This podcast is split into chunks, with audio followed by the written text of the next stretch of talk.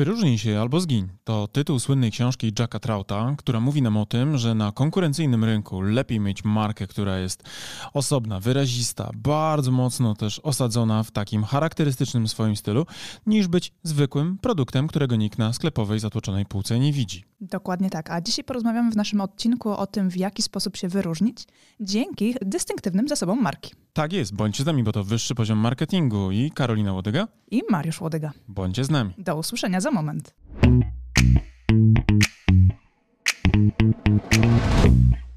No cześć. No cześć Mariuszu. Jak się dzisiaj czujesz? Dobrze, klasyczne pytanie, klasyczna odpowiedź. No, bo my się zawsze czujemy dobrze, prawda? E, tak, chcielibyśmy, żeby tak było, tak, ale przyjmijmy, że tak jest. No właśnie, różnie z tym bywa. No ale dzisiaj porozmawiamy sobie o tym, jak możecie wy, jako właściciele marek, sprawić, by wasze marki czuły się dobrze i na pytanie, jak wam leci, odpowiadalibyście tylko i wyłącznie dobrze, dobrze. Bardzo dobrze. Albo wręcz bardzo dobrze. No właśnie, no ale to nie jest takie proste.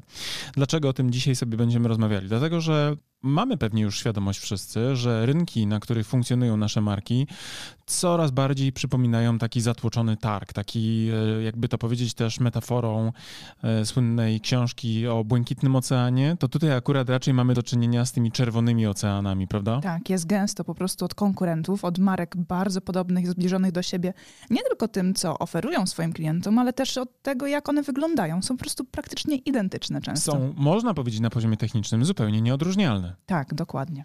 Bo właściwie zasadniczo, y, kiedy mamy kategorię, która liczy więcej niż kilka y, na przykład produktów, a właściwie chyba nie przychodzi mi dzisiaj do głowy żadna nisza, która by mogła reprezentować jakąś kategorię, która by zawierała tylko kilka właściwie ofert no, może w social audio dzisiaj mamy na przykład Clubhouse, prawda? Jeszcze na ten moment tak. Tak, dzisiaj jeszcze tak. No ale co będzie za rok, kiedy na przykład Facebook, Twitter i inni e, social mediowi giganci utworzą swoje klony? Będzie zupełnie inaczej i znowu będziemy mieli sytuację, w której będziemy mogli powiedzieć o tym, że dla właściciela właśnie pojawił się kolor czerwony nisz, w której tak, pływał. bo wchodząc do na przykład jakiegokolwiek marketu, idąc w jakikolwiek dział tego marketu, znajdujemy regały takich samych produktów, tych samych tak naprawdę rozwiązań, które nam marki dostarczają dostarczają i one są praktycznie identyczne. Nieodróżnialne. Właściwie decyduje tak naprawdę tylko i wyłącznie funkcjonalność, czyli szukam e, ryby w puszce, prawda, makreli, patrzę tak. sobie, gdzie są puszki, potem patrzę na cenę, na cenę. Ja Ewentualnie jestem, z Poznania. Jak jesteś kobietą, to też na kolor opakowania. Ale jak widzę czerwony, to wiem, że to jest w pomidorach, mi to nie interesuje. czyli szukasz żółtego w oleju. Żółtego w oleju, tak jest. I już wiem, że chwyciłem właściwy produkt, prawda? I to jest oczywiście koszmar z perspektywy brandingowej, no bo mnie naprawdę nie interesuje interesuje, kto jest producentem, liczy się wyłącznie dostępność. I teraz z perspektywy różnych historii biznesowych na pewno już słyszeliście wiele epickich e, opisów katastrof, które sprowadzały się do tego właśnie, że występowanie w sieciach handlowych tylko i wyłącznie jako dostawca produktu może być e, no, źródłem nie lada problemów, o czym też na przykład możemy dowiedzieć się z historii upadku e, firmy Kania, prawda, tej, której, która zajmowała się produkcją wędlin i która to myślała, że odkryła swój, no taki bym powiedział, dostęp do, do, do skarbca, bo właśnie właśnie podpisała kontrakty z kilkoma wielkimi sieciami handlowymi. No ale jak się sprawa potoczyła, to już wszyscy wiedzą. Co więcej, dzisiaj za prezesem tej spółki bodajże nawet chyba list gończy chodzi, prawda? Jeśli dobrze pamiętam tą całą historię. Ja aż tak głęboko w tym nie siedzę, ale być może tak jest. Ale wracając do tematu w jaki sposób osoby zarządzające markami mogą ułatwić klientom odnalezienie ich produktów na półce, no to powiemy wam właśnie o tych dystynktywnych zasobach marki.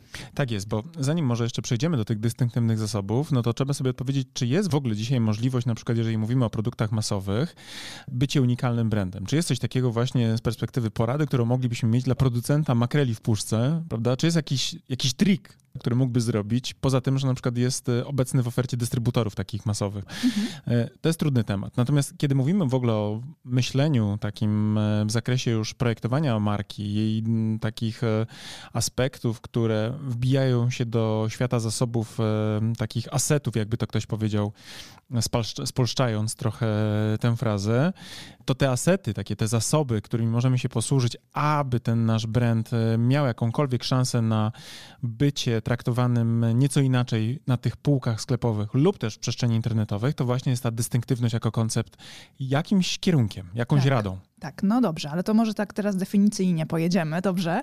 Czym w ogóle są te dystynktywne zasoby? No właśnie, czym Karolina one są? Te charakterystyczne zasoby to są spójne wskazówki dla odbiorcy. One mogą być wizualne, językowe albo semantyczne i one te, te zasoby ułatwiają odbiorcom identyfikację marki. No właśnie, te zasoby one, jeżeli są dobrze zaprojektowane, mogą też generalnie bardzo mocno przysłużyć się wyróżnialności naszej marki. I teraz, żeby przejść trochę w konkret, prawda, żebyście też e, byli w stanie sobie oczyma wyobraźni zobaczyć, o czym my tu mówimy, to może zapytamy się Was, czy widzieliście kiedykolwiek puszkę Coca-Coli? Pewnie y, każdy z Was odpowie, że tak. Pytanie retoryczne, prawda? Czy teraz, gdybyśmy mieli na przykład y, na półce sklepowej e, jakieś napoje energetyczne, właśnie takie na bazie powiedzmy konceptu e, coli, to czy, czy bylibyśmy w stanie, jakby mając dobrze rozpoznane, dystynktywne zasoby konkretnych brandów, rozpoznać Coca-Colę, nawet gdyby nie było na niej napisane Coca-Cola, tylko i wyłącznie dlatego, że byłby właśnie ten jeden zasób użyty na tej puszce? Ja jestem skłonna stwierdzić, że zdecydowanie tak. Nawet osoby pewnie z wadą wzroku i nie dowidząc, co to jest dokładnie za napój, będą w stanie powiedzieć, że to jest Coca-Cola. Tym bardziej, że nawet Coca-Cola w pewnym momencie na swoich opakowaniach stosowała nie napis Coca-Cola, a imiona, tak? Dla osób, które chcą czuć się spersonalizowane doborem danej, danej puszki dla siebie. Mogły wybierać puszkę z dowolnym imieniem, które wykorzystywał charakterystyczny krój pisma właśnie Coca-Coli. Tak jest, więc mamy tutaj odpowiedź już. Oczywiście, że moglibyśmy rozpoznać e, konkretny produkt, konkretną markę tylko i wyłącznie właśnie na bazie dystynktywnych zasobów, prawda? I te dystynktywne zasoby, one mogą być takie właśnie jak kolor, który jest bardzo charakterystyczny. Niektóre marki nawet zastrzegają swoje barwy na przykład dla siebie. Z tego co kojarzę, Play ma zastrzeżony ten fiolet dla siebie już, jeśli dobrze pamiętam, prawda? Bo stał się właśnie tak charakterystycznym kolorem, że ja nawet rozpoznaję ludzi biegających w koszulach Playa, jeśli chodzę oczywiście poza lockdownem, po centrach handlowych, którzy się na przykład zerwali na przerwę lunchową albo gdziekolwiek indziej. Tak, najgorzej, jeżeli jakiś klient ubierze przypadkiem taką koszulę ze swojej garderoby, to wtedy można go pomylić z pracownikiem Playa. Po ile, panie to na tak. Po ile abonamencik e, u państwa? Więc te dystynktywne zasoby to są na przykład właśnie barwy, to mogą być e, na przykład charakterystyczne elementy, które wchodzą w zakres identyfikacji wizualnej. Tak, tu... czyli elementy graficzne, mogą to być paterny, symbole, kształty, mogą to być... E, elementy tworzące logo na przykład marki, tak, prawda? Tak. Słynne łuki McDonalda, gdy nawet wyrwiemy je z kontekstu całego brandu, prawda? I postawimy tylko na przykład billboard z charakterystycznym elementem, jeden, jednym, jednym fragmentem, tak, tego tylko łuku. i wyłącznie łuku i to na charakterystycznym czerwonym tle. Tak, bo, żółty na czerwonym. Tak, tak, tak. To każdy wie, o jaką markę również chodzi. Tak, i bez problemu też e, trafi. Tym bardziej, że za chwilę trafi na kolejny dystynktywny zasób tej marki, na przykład zapach smażenia frytek. Tak. Nie wiem, czy wiesz, ale to jest podobno aerozol. Ja nie wiem, czy to jest prawda, bo... Też słyszałam takie historie i nigdy nie weryfikowałam dokładnie tego, ale być może faktycznie tak jest, bo zatrzymując się gdziekolwiek przed McDonaldem ma się takie poczucie po prostu jakby te frytki człowieka otulały. Tak, tak, tak. I ja, ja przyznam się wam, moi drodzy i tobie też, Karolina, że jak jeździłem jeszcze często samochodem na jakieś tam projekty szkoleniowe, czy też do klientów, to jak podjeżdżałem do Maka, to miałem takie święte przekonanie, że powinienem teraz zjeść sałatkę, prawda? Widziałem te dystynktywne... McDonald's i sałatka? Ciekawe. No, no, no, no tak, bo wiesz, fit i tak dalej, nie? Ale widziałem te dystynktywne zasoby w postaci hej, za 5 kilometrów będzie McDonald's. Widziałem już z daleka ten łuk McDonalda, prawda, który się pojawiał na tym wielkim stędzie e, i zjeżdżałem. No i podjeżdżałem, myślę sobie, dobra, kawa i sałatka, kawa i sałatka, kawa i sałatka. Po czym właśnie mój nos zaczął wyłapywać zapach, e, ten charakterystyczny zapach e, ni to smażenia, ni to aerozolu. A później pani przy kasie pytała, czy do zestawu dołożyć frytki. No i człowiek po prostu nie ma innej opcji. Tak. Zaśliniony jak Cezar Klaudiusz w ostatnim tygodniu sprawowania władzy. Niestety ulega i tak, jasne, zdarza się to. No i teraz idąc dalej do tych zasobów dystynktywnych, już tutaj sobie zdefiniowaliśmy, że mamy na przykład kolory, kształty, Może być, mogą być sensoryczne jakieś aspekty, które będą pobudzały nas do zakupu, właśnie jak zapach, prawda? Tak, często marki odzieżowe ten zapach wykorzystują w swoich salonach odzieżowych. Tak, absolutnie. Tak, tak, tak. My wam się przyznamy te... też, mhm. też wam się przyznamy, że jak mieliśmy biuro, zresztą teraz też w ogóle, jak mamy już, bo nadajemy do was z Kreatywnej Wyspy, to przede wszystkim e, już ja już rozpoznaję dzisiaj, e, trochę przypadkiem, ale trochę tak dlatego, że właśnie mamy ekspres do kawy i dobrą kawę, że jak wchodzę do biura, to pierwsze, co mnie uderza, to właśnie zapach e, kawy. kawy. kawy.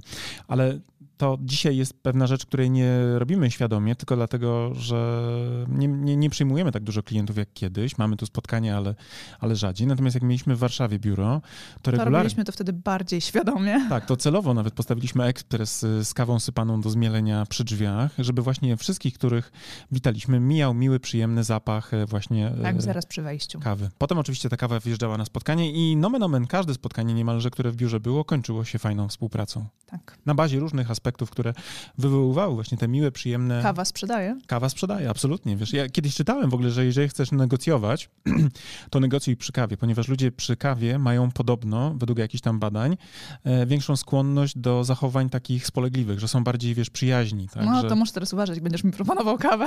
Kochanie, chodź na kawę, musimy porozmawiać, a potem jest pytanie o różne rzeczy, nie? No to teraz będę ostrożna. Dobrze o tym mówisz. Jak sądzisz, dlaczego ja cię w ogóle zaprosiłem na kawę na pierwszą randkę? I to był mój błąd. Tak, tak, i gdzie byliśmy już na trzecim spotkaniu, prawda? Ale tutaj nie będziemy opowiadali swoich. Tak, ale idąc dalej, dobrze, e, wracając do głównego tematu tego odcinka. E, Mój drogi, do Kawa, wino i co ino, moja droga. Tak to było. do dystynktywnych zasobów, ja nie podejmuję A twojej rękawicy. wspólny kredyt, wspólny kredyt. Tak, do dystynktywnych zasobów możemy również zaliczyć na przykład Brand Hero. E, Patrz Tak, na markę być. Delma, czy Tak. Serce i Rozum z Tak.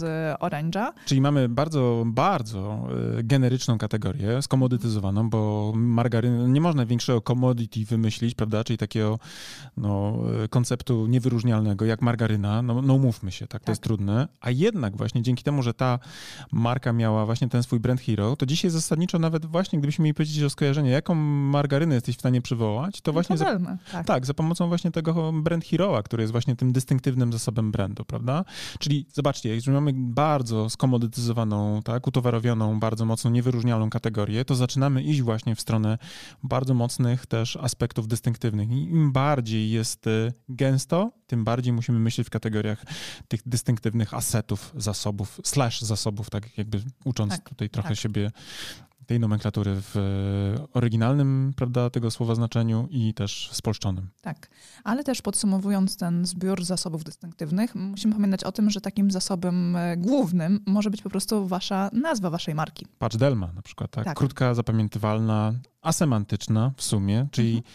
Ten zasób dystynktywny nie musi mieć semantycznie jakiegoś oryginalnego znaczenia. Może być to coś, co powstanie na przykład specjalnie dla tej marki, aby właśnie za pomocą asemantyczności uniknąć skojarzeń z innymi na przykład podmiotami, którzy o tego samego klienta konkurują. Tak, tak, Takim tak, dystynktywnym na przykład z zasobem namingowym może być marka Adidas, prawda? Mhm. Też absolutnie wyrywa się z jakichkolwiek innych skojarzeń, bo to jest po prostu coś, czego nie było jako słowo, prawda? Zostało stworzone specjalnie w celu y, nazwania marki, aby ona była właśnie bardzo wyróżnialna. Więc nazwa może być dystynktywnym zasobem, może być typografia, którą się posługujecie na przykład, specjalnie e, wykreowana dla konkretnego brandu, może być ta, ta, ta barwa, może być logo, mogą być elementy w logu, czyli na przykład sygnet sam w sobie może być elementem dystynktywnym. Patrz na przykład e, Nike z tym swoim słynnym słuszem, jeśli dobrze wymieniam, prawda? On też Mhm. dzisiaj właściwie tak naprawdę jest bardzo charakterystyczny dla samego brandu i może być tylko sam sygnet i już rozpoznajemy brand, Tak, dokładnie. niezależnie czy to jest but, czy koszulka, czy, czy cokolwiek innego, nie? Mhm. Co jeszcze może należeć do dystynktywnych zasobów? E, Mogą to być na przykład e, zapachy, którymi posługuje się marka, mogą to być smaki, mogą to być dźwięki, na przykład muzyka, jingle, jingle naszego odcinka podcastowego. Tak, też spe- specjalnie go używamy po to, żebyście kojarzyli, prawda, nasz podcast z tym konkretnym też e, nadawcą, czyli z nami i to też będzie oczywiście taki, jeżeli ktoś przejdzie całą playlistę, na przykład odsłucha na ten moment na- nasze kilkadziesiąt podcastów, to wystarczy, że usłyszy tylko fragment naszego podcastu, bez wspomnienia, że to jest wyższy poziom marketingu i Karolina i Mariusz Łodyga, Mm, Tak, to oczywiście nas rozpozna, prawda? dokładnie.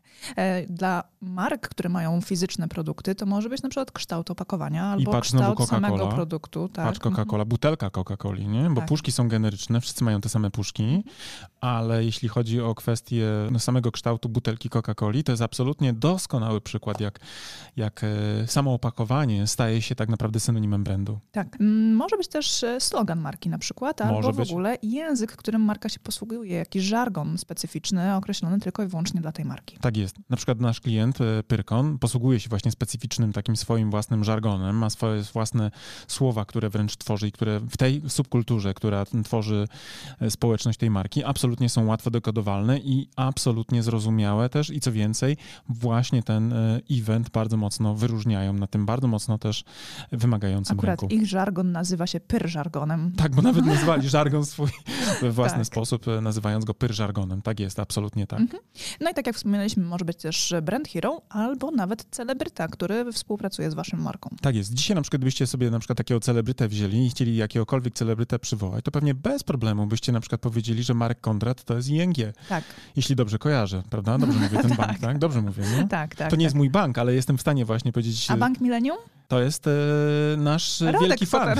tak, nasz wielki fan, o którym mówiliśmy. Tak. Oczywiście pozdrawiamy Radka, prawda, i jego zespół, no jeśli nas słuchają w tej chwili. No więc właśnie, tutaj te dystynktywne zasoby, jeżeli są, uwaga, spójnie wykorzystywane przez wiele lat mhm. i marka potrafi w taki właśnie e, zorganizowany, zdyscyplinowany sposób nimi się posługiwać, to absolutnie z czasem odbiorcy komunikacji tejże marki są w stanie z tego luźnego zbioru czasami, prawda, który może być niepowiązany na przykład właśnie, czyli występować tylko fragment, albo jingle, albo zapach, albo kolor, prawda? Albo tylko kształt opakowania, tak? Tak, albo tylko... Zarys w ogóle opakowania, w ogóle. albo odcisk czasami. Tak, tak, tak. Albo kształt frytki, bo czy byłabyś w stanie rozpoznać frytki McDonalda? One też są charakterystyczne. Gdybyśmy mieli pójść głęboko, to na bank kształt tych frytek nie jest przypadkowy. Kształt y, tytek, w które oni wrzucają frytki, tak. też jest bardzo charakterystyczny dla tego, dla tego brandu, prawda? Więc te dystynktywne zasoby, one mogą tworzyć naprawdę ogromny arsenał narzędzi, którymi posługujemy się do wyróżniania na bardzo konkurencyjnych rynkach. Bo znowu, frytki to jest absolutnie generyczny produkt. Każdy jest w stanie robić frytki. Uwaga, nawet ja jestem w stanie zrobić frytki, prawda? Mm. No, no tak. powiedzmy. Nie, no robiłem, no weź, bez jaj, robiłem, kiedy jeszcze byłem piękny, młody, szczupły i nie... Słuchaj, ile lat się znamy, to ja jeszcze ani razu nie widziałam, żebyś robił frytki, więc nie mogę potwierdzić, że potrafisz. To no. cię zaboli, ale nie byłaś pierwszą kobietą, z którą byłem w życiu związany emocjonalnie. Domyślam się i... I dla tamtych pań robiłem czasami frytki. Nastała niezręczna cisza. tak jest. Z ketchupem. Z ketchupem, jakby powiedział nasz, nasz syn. Robiłem i potrafiłem robić, aczkolwiek nie mogę powiedzieć, że byłem specjalnie uznanym potentatem w tej branży i że zarobiłem na tym jakiekolwiek pieniądze. No cóż, tamte kobiety z tobą nie przetrwały do dziś, więc sądzę, że Moje jakoś... frytki prawdopodobnie były słabe. Mogły być. No, odchodzę, Mariusz. Może... Twoje frytki są słabe. Może do tego nie zrobiłeś mi nigdy frytek, bo to mogłoby też ja nie zakończyć nasz związek. Bo się uczę na błędach. Ale zobaczmy, wracając zupełnie poważnie do naszej rozmowy, ile aspektów możemy wrzucić do tych dystynktywnych zasobów. I teraz, jaka jest konkluzja dla naszych słuchaczy, dla nas, dla was i dla wszystkich, którzy myślą o rozwoju swojej marki? Jeżeli jesteście osobami, które myślą w kategorii budowy silnej, wyróżnialnej, e, mocnej marki, to możecie myśleć również używając właśnie koncepcji budowania dystynktywnych zasobów i pamiętajcie, im bogatszy zbiór tych narzędzi, im bogatsza jest lista y, środków, którymi się posługujecie, tym wasza marka być może będzie miała lepszą pozycję przetargową, kiedy na tej półce pełnej takich samych rozwiązań wy wpadniecie komuś w oko. Tak, i musicie pamiętać też o tym, że najważniejsze jest zachowanie spójności w stosowaniu tych wszystkich zasobów dystynktywnych marki, by nie ulegać e, takiemu popędowi osób, które zarządzają markami na chęć ciągłych zmian, na wprowadzanie nowości, na posługiwanie się czymś teraz może trochę innym, nowym. Musicie pamiętać o tym, że te zasoby dystynktywne powinny być stałe i niezmienne. Patrzcie, Coca-Cola czy McDonald's, y, ich łuki czy play. kolorem. Tak, Play. Czy play z polskiego podwórka, prawda? Można odświeżać oczywiście identyfikację wizualną marki, ale trzeba starać się zachować spójność tych zasobów dystynktywnych. I je też rozwijać, jeżeli już będziecie się rozwijali, prawda? Tak. Żeby to też podążało za duchem czasu, ale z drugiej strony, żebyście nagle nie odmienili na przykład y, właśnie loga, prawda? Który będzie na przykład posługiwał się zupełnie nową na przykład typografią do opisania na przykład nazwy marki, a z drugiej strony e, zostawicie cały pozostały jakby kram bez jakiejkolwiek ingerencji i nagle się okaże, że dla użytkowników to są właściwie dwa różne światy. Tak, dokładnie.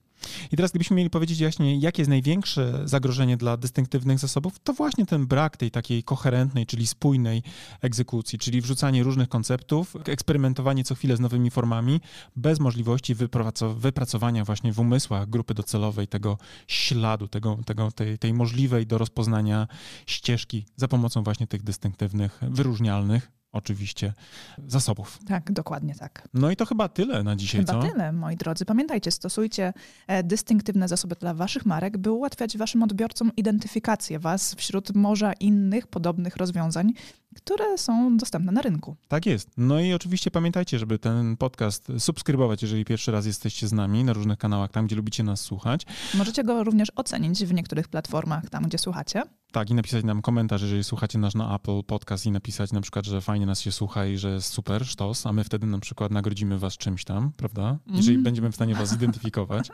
Tak, tak, tak? Albo w inny sposób po prostu będziemy starali się wam dostarczać więcej wartości. dokładnie tak. A tymczasem mówimy bądźcie z nami, bo to jest wyższy poziom marketingu. I do usłyszenia w kolejnym odcinku. Tak jest. Do usłyszenia. Cześć. Cześć!